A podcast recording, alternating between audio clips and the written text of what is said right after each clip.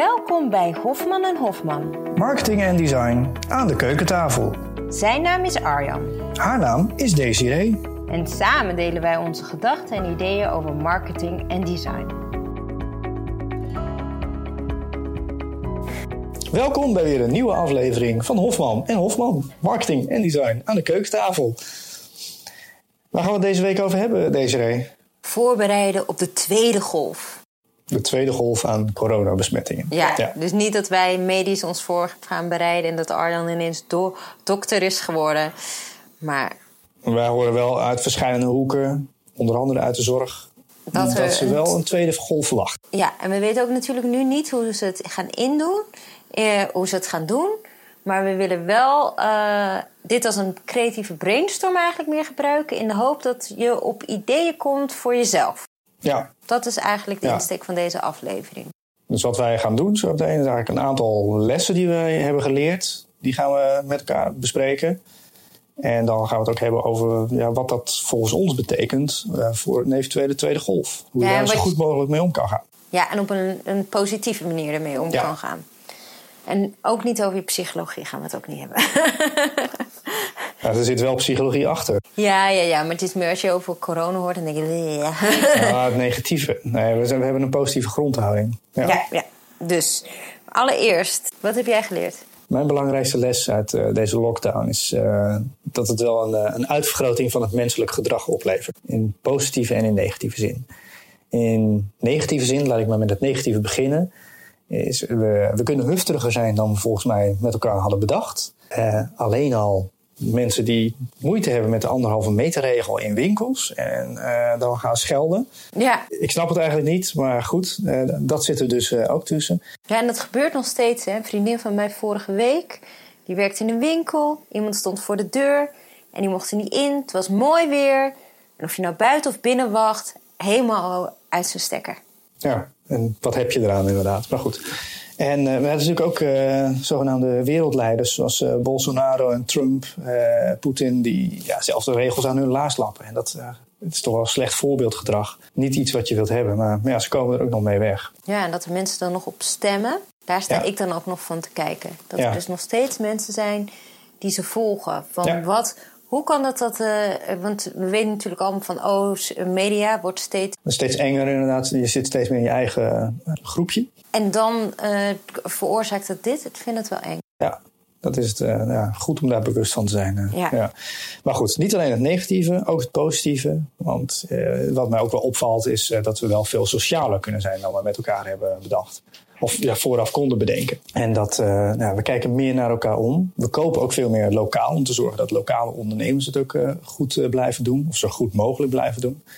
En dat vind ik juist wel iets waar we heel erg trots op mogen zijn. En in mijn ogen is dat nog wel steeds de meerderheid van, van wat de mensen doen. Ja, ik vraag me ook af van hoe het ook is op een ander... Zijn, wat we net hadden met Facebook, hoe het is op een ander zijn tijdlijn. Want ik Ja. zie inderdaad ook steeds sociale gedrag, maar hoe dat bij anderen is. Ja. Bij mij is het wel dat het ook heel veel mensen bewuster zijn met het klimaat, bewuster zijn met hun omgeving en hoe ga je goed met elkaar om, hoe help je elkaar.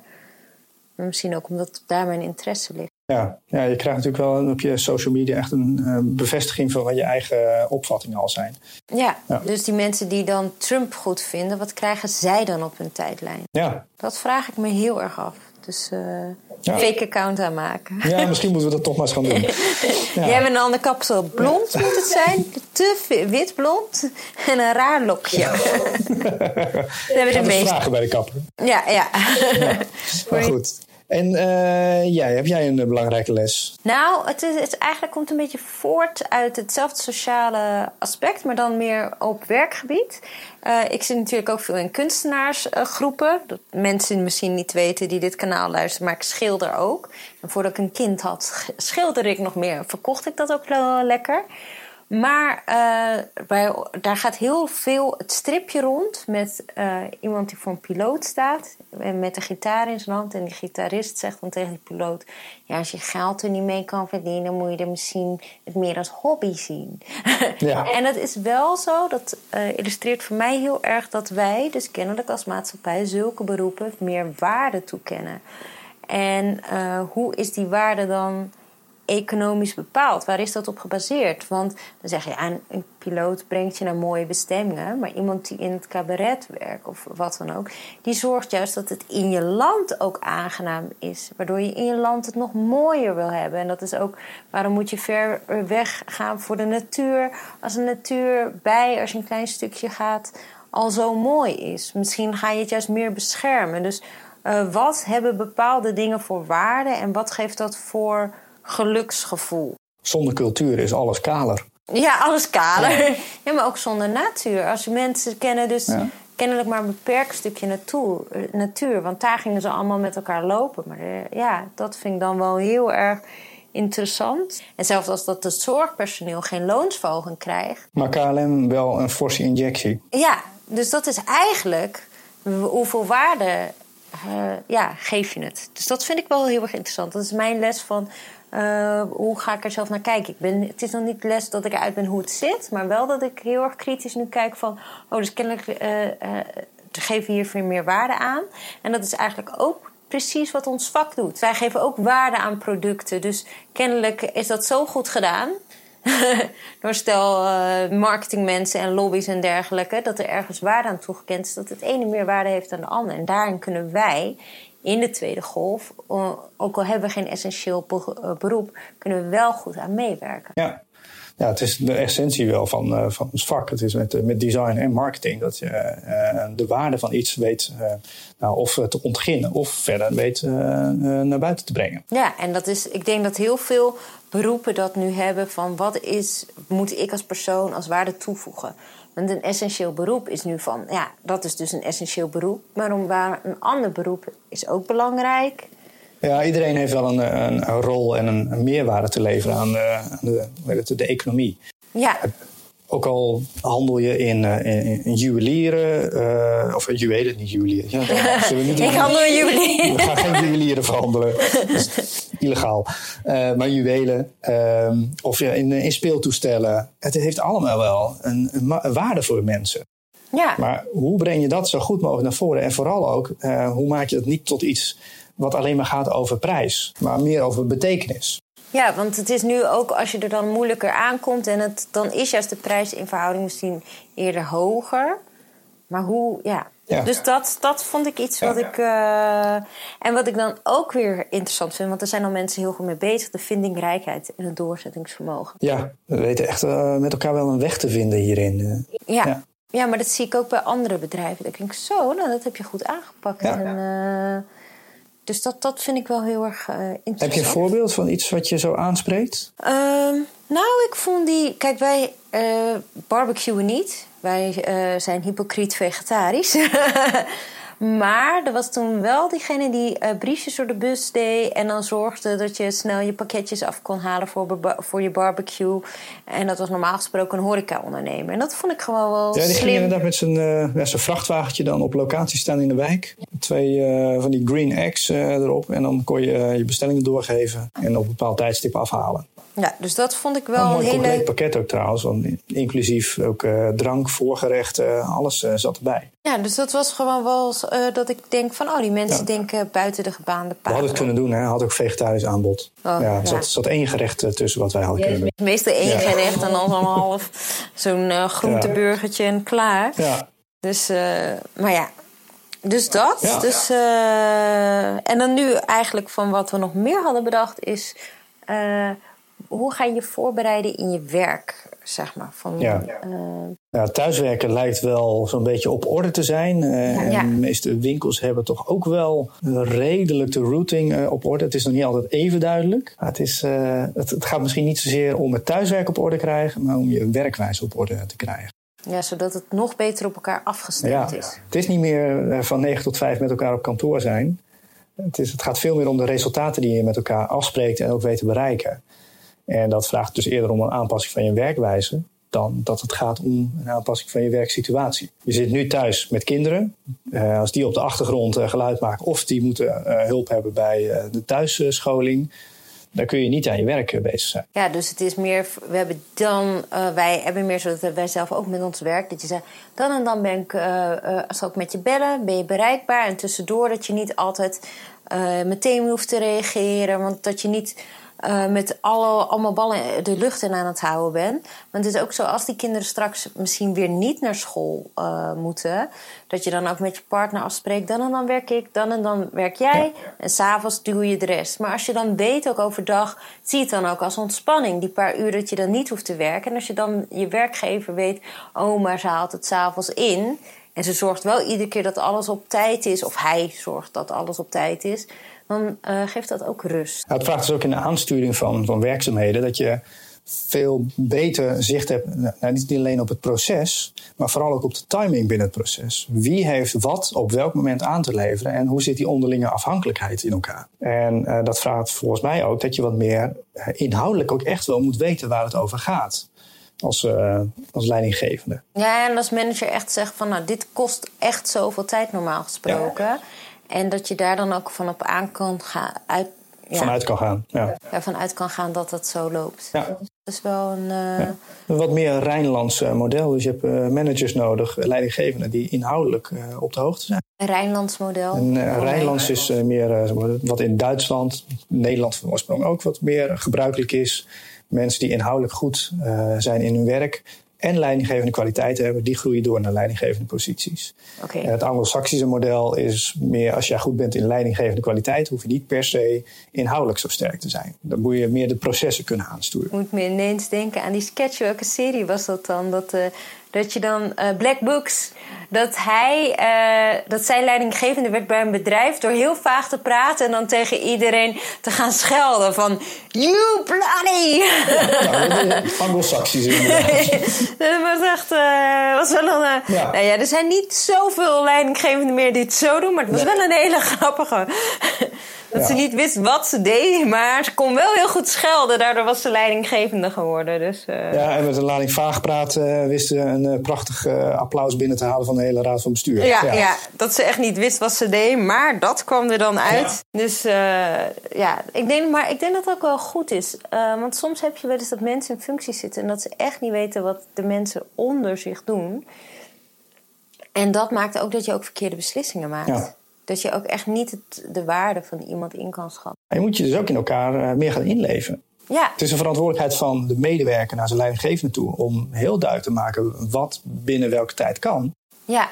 Uh, en andersom ook juist om het vertrouwen te geven. Ja, dus samen proactief zijn. En ja. samen, misschien als je elkaar dan nu, want som, uh, sommige mensen gaan weer wel naar kantoor, dat je dat ook bespreekbaar maakt. Van ik loop hier tegenaan, dit kost me veel tijd, dit kost me weinig tijd, et cetera. Dus ja. dat dat wel, uh, wel goed is. En ik denk dat het zelf ook nog een ander punt. Ja. Uh, dat het van belang is uh, over dat contact. Dat nu het, je meerwaarde bijvoorbeeld met klantenbinding. Ja.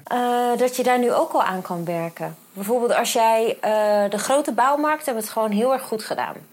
En ik denk dat dat ook wel, als, als er mensen zijn, want er zijn gewoon beroepen die niet van het huis kunnen werken, dus waarbij het stilvalt.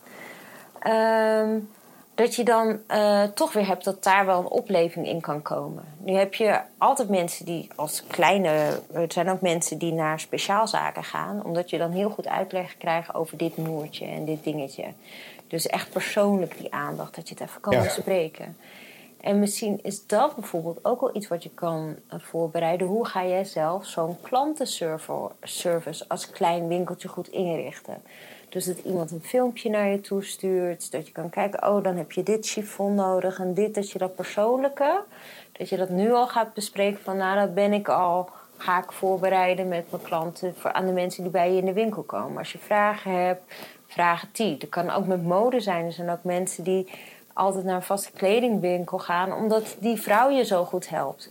Nou, we, uh, misschien uh, kan die dingen met je bespreken. Of uh, zorginstellingen, nou, die zitten niet lekker in zijn vel. Oh, de, de, die mensen die daar zitten. Dan heb je bijvoorbeeld ook dan dat je daar... Uh, ik weet wel eens dat er voorstellen waren... dat uh, heb ik bij een retailer gewerkt... om daar langs te gaan. En dan met kledingadvies. Maar dat kun je dus ook online doen. En ja. met de zusters en dergelijke. Een modeshow maken met die bewoners. En dat vinden ze hartstikke leuk. Maak je er gelijk een soort evenement van. Ja, ja een evenement. En een evenement waar je mensen echt in het zonnetje zet. En echt met make-up en styling adviezen mooi maakt. Want Ja. het wil niet zo zeggen dat als jij wat ouder bent, dat jij meteen ook denkt van die mensen die willen vaak nog wel mooi hun haar gekapt hebben op hun manier. Maar wel advies op maat en heel persoonlijk. En ik denk dat juist het door het klein te houden, dat je daar op die manier kunt co- concurreren tegen die grote bouwmarkt op dat moment. Ja, bedoel je nou dat mode tegen elkaar Nee, nee, oh ja, nee, ik bedoel net zoals zo'n klein winkeltje, zo'n ijzerwinkeltje. Die kan tegen. En dat is ook met een kledingwinkel. Je kent je vaste klanten. Dus eh, die komen dan waarschijnlijk nu weer bij je in de winkel. En bespreken van nou, hoe zou jij het fijn vinden als ik je eh, benadert? Of vind je dat vervelend? Ja. Je kan me, of alleen al zeggen van ja, je kan me altijd bereiken hoor op dit nummer. Dan hou je het helemaal vrij. Dat je visitekaartjes uitdeelt. Ja, bijvoorbeeld inderdaad via- altijd via WhatsApp eh, beschikbaar eh, zijn. Ja. Met WhatsApp kan je ook eh, een, eh, een videocall eh, regelen. En dan zou je bijvoorbeeld bij zo'n zo'n ijzerwarenhandel... Kun je, als klant kun je laten zien wat jouw probleem is... en Ja, waar die ijzerhandel ja. jou eh, mee kan helpen. En dat, eh, ja, dus dat kan eigenlijk met heel veel eh, dingen. Ik zag ook eh, bijvoorbeeld als je dan een schoenmakerij bent, ja, schoenen gaan toch ook stuk. Doe dan een inleverpunt, net zoals bij de biep. En dan kun je dan je schoenen inleveren met je vraag. Ja, en dan zorg je gewoon als schoenmaker dat je het weer opstuurt naar die adressen. Dus kleine winkeliers kunnen ook heel veel doen met de creativiteit. Dus alleen dat zou ik nu al voorbereiden en nu al tegen je vaste klanten zeggen. Ja, En wat ik al zeg, een nummertje is zo, hier is mijn kaartje. Ja. Wat is, gewoon even bellen. En je zit niet te dwingen, laat je het wel bij iemand zelf. Ja. Dat moet je ook weer niet doen, want ik merk nu ook... maar je moet eh, beschikbaar zijn en beschikbaar zijn. benaderbaar. Ja, Ja. op een prettige manier. Ja. Wat ik trouwens ook wel. nou, waarschijnlijk is het een onbedoelde manier van klantenbinding. Maar bij supermarkten en bijvoorbeeld de intratuin. wordt je karretje schoongemaakt. En dan staat er dus één medewerker, of soms twee. eh, die eigenlijk eh, begroet en jou een karretje geeft.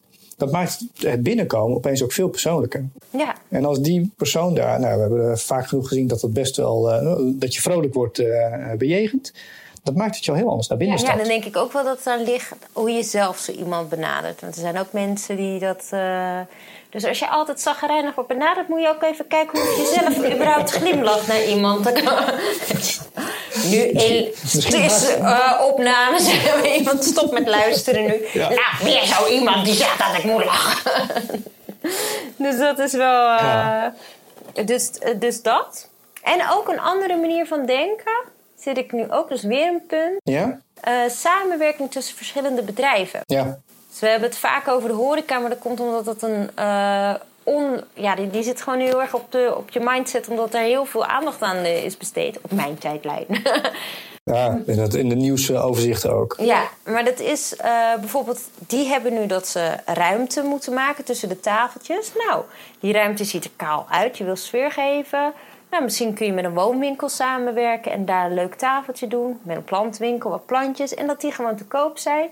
Voor die winkels die dan eh, hebben moeten sluiten, die hebben een leuk extra etalagepunt. En jij hebt dat het wat eh, gezelliger oogt.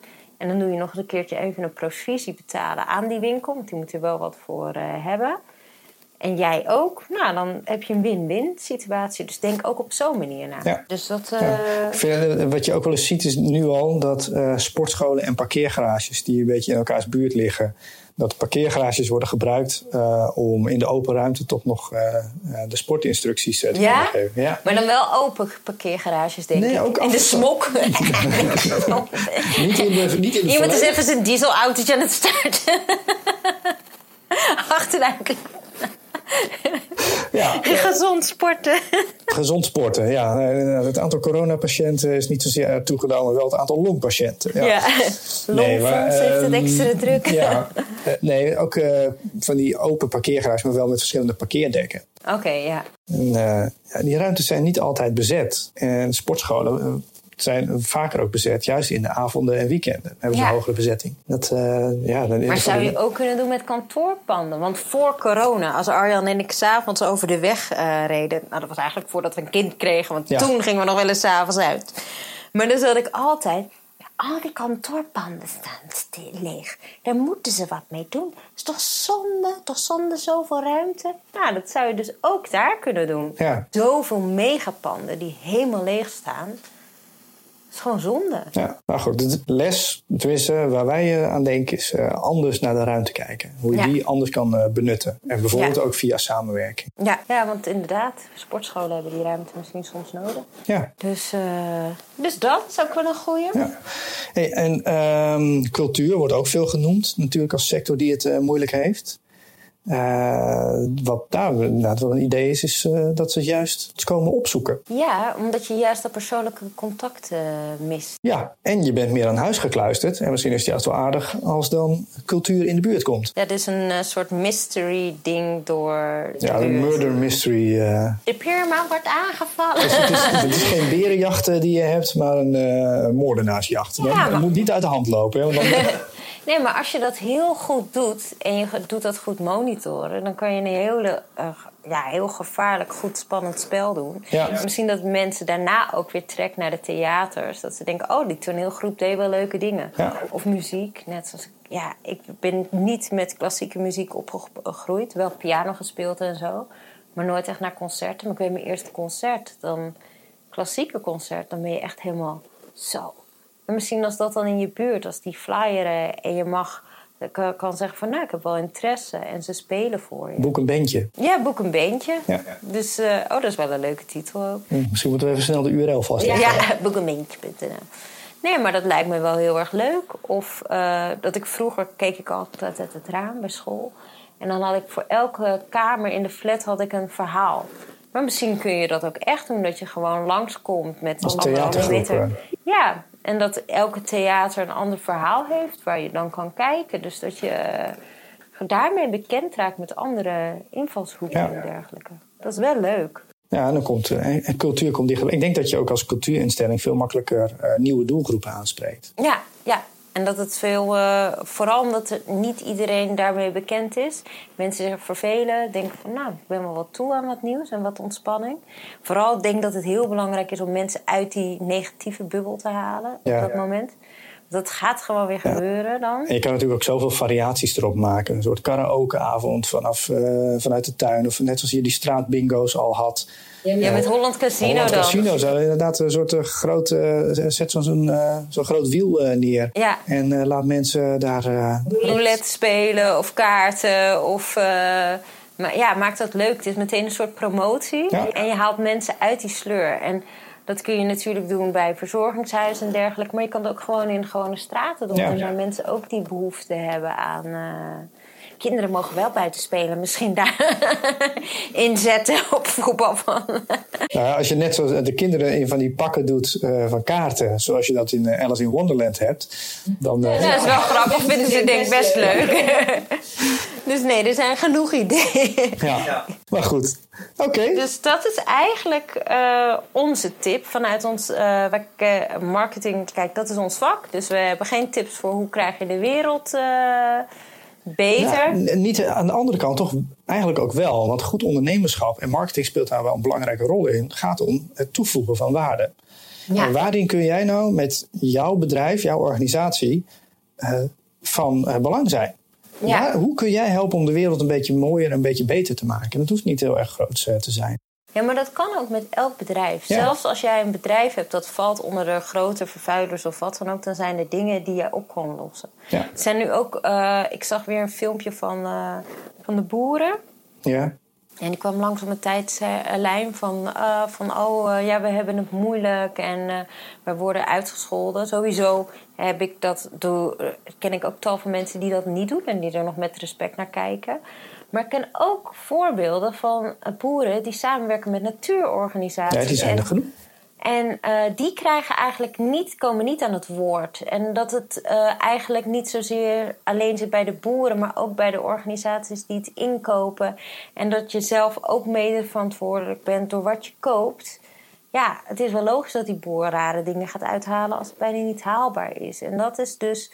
Eh, hoe wil jij dan je beroep uitoefenen als boer? En hoe Ja. wil je jezelf neerzetten? Want die goede initiatieven. Er was laatst een initiatief. Waar had ik dat nog verteld van? ehm, die boeren die dan eh, een boer pacht. Dus dan heb je een stuk land. En Ja. dan kun jij gewoon als een groep eh, burgers kun je zeggen van... Nou, dit jaar willen we dat dat en dat op het land eh, verbouwd wordt. Want dat eten we, dat zorgt die boer voor. En dan wordt het direct bij je thuis bezorgd. Of je kan het direct afhalen. Maar dat is gewoon een pacht, een deel van een boer. Daar haal je heel veel dingen er tussenuit. Nou, dat zou misschien ook via een supermarkt kunnen. Maar dan haal je al die rare tussen, dingen ertussen uit. Waardoor het voor de boer rendabeler wordt. Jij weet waar het vandaan komt. En het wordt gewoon eerlijk gedaan. Ja, de supermarkten, tenminste zeker als je kijkt naar de grote, die, eh, die zoeken natuurlijk wel meer en meer ook eh, de, De verbinding op. de verbinding op. Laten al zien wie er levert. Dus van wie koop jij jouw Ja. erwten of je bieten of wat dan ook. En, eh, en hoe gaat hij om met, eh, met zijn land en met zijn werk, met zijn dieren. Ja. Ja, maar dat dat gewoon belangrijker wordt, Ja. dat zou wel eh, een goede zijn. Ja. Dus, en in- met de pacht kun je misschien dan ook zeggen... nou, als de supermarkten weer vol worden met allemaal mensen die gaan bestormen... heb jij tenminste je stukje land gepacht. oh, ja, ik hoop niet dat dat nog een keer gebeurt, dat hamsteren. Dat Nee. weten we niet. We weten gewoon niet wat gaat komen. Je weet wordt het nu wel heel anders ingezet. Ik denk vast wel dat er een aantal ministers geen vakantie hebben... om nu uit te denken hoe ze met een tweede golf omgaan. Daar kunnen we wel eh, van uitgaan. En anders moeten we onze podcast even luisteren.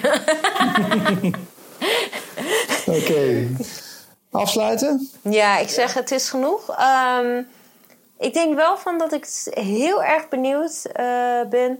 Er zijn heel veel mooie i- initiatieven. Er was ook een mooi initiatief van Kraak de Crisis en zo. Ik vind het wel leuk als die met ons gedeeld wordt. En dat kan bij jou? Het, op mevrouw, Hofman en Hofman.nl. En bij mij met meneer Hofman en Hofman.nl. En we zijn ook op LinkedIn eh, goed te bereiken. We hebben een eigen bedrijfspagina. En eh, we volgen natuurlijk ook de hashtag Hofman en Hofman. Dus eh, deel gerust je bericht, deel je vraag. eh, geef een reactie ook op eh, deze podcast. We zijn er heel benieuwd naar. Ja, ja, heel veel positieve, leuke ideeën. Dat vind ik altijd leuk. Ja. Nou, dat was een fijne avond, dag, wanneer je dit wordt gehoord. Het worden jouw vaste woorden dit. Ja, want ik vind het ook zo raar, want je zegt toch normaal gesproken dag. Dus het is. Dag, Dag! tot de volgende keer.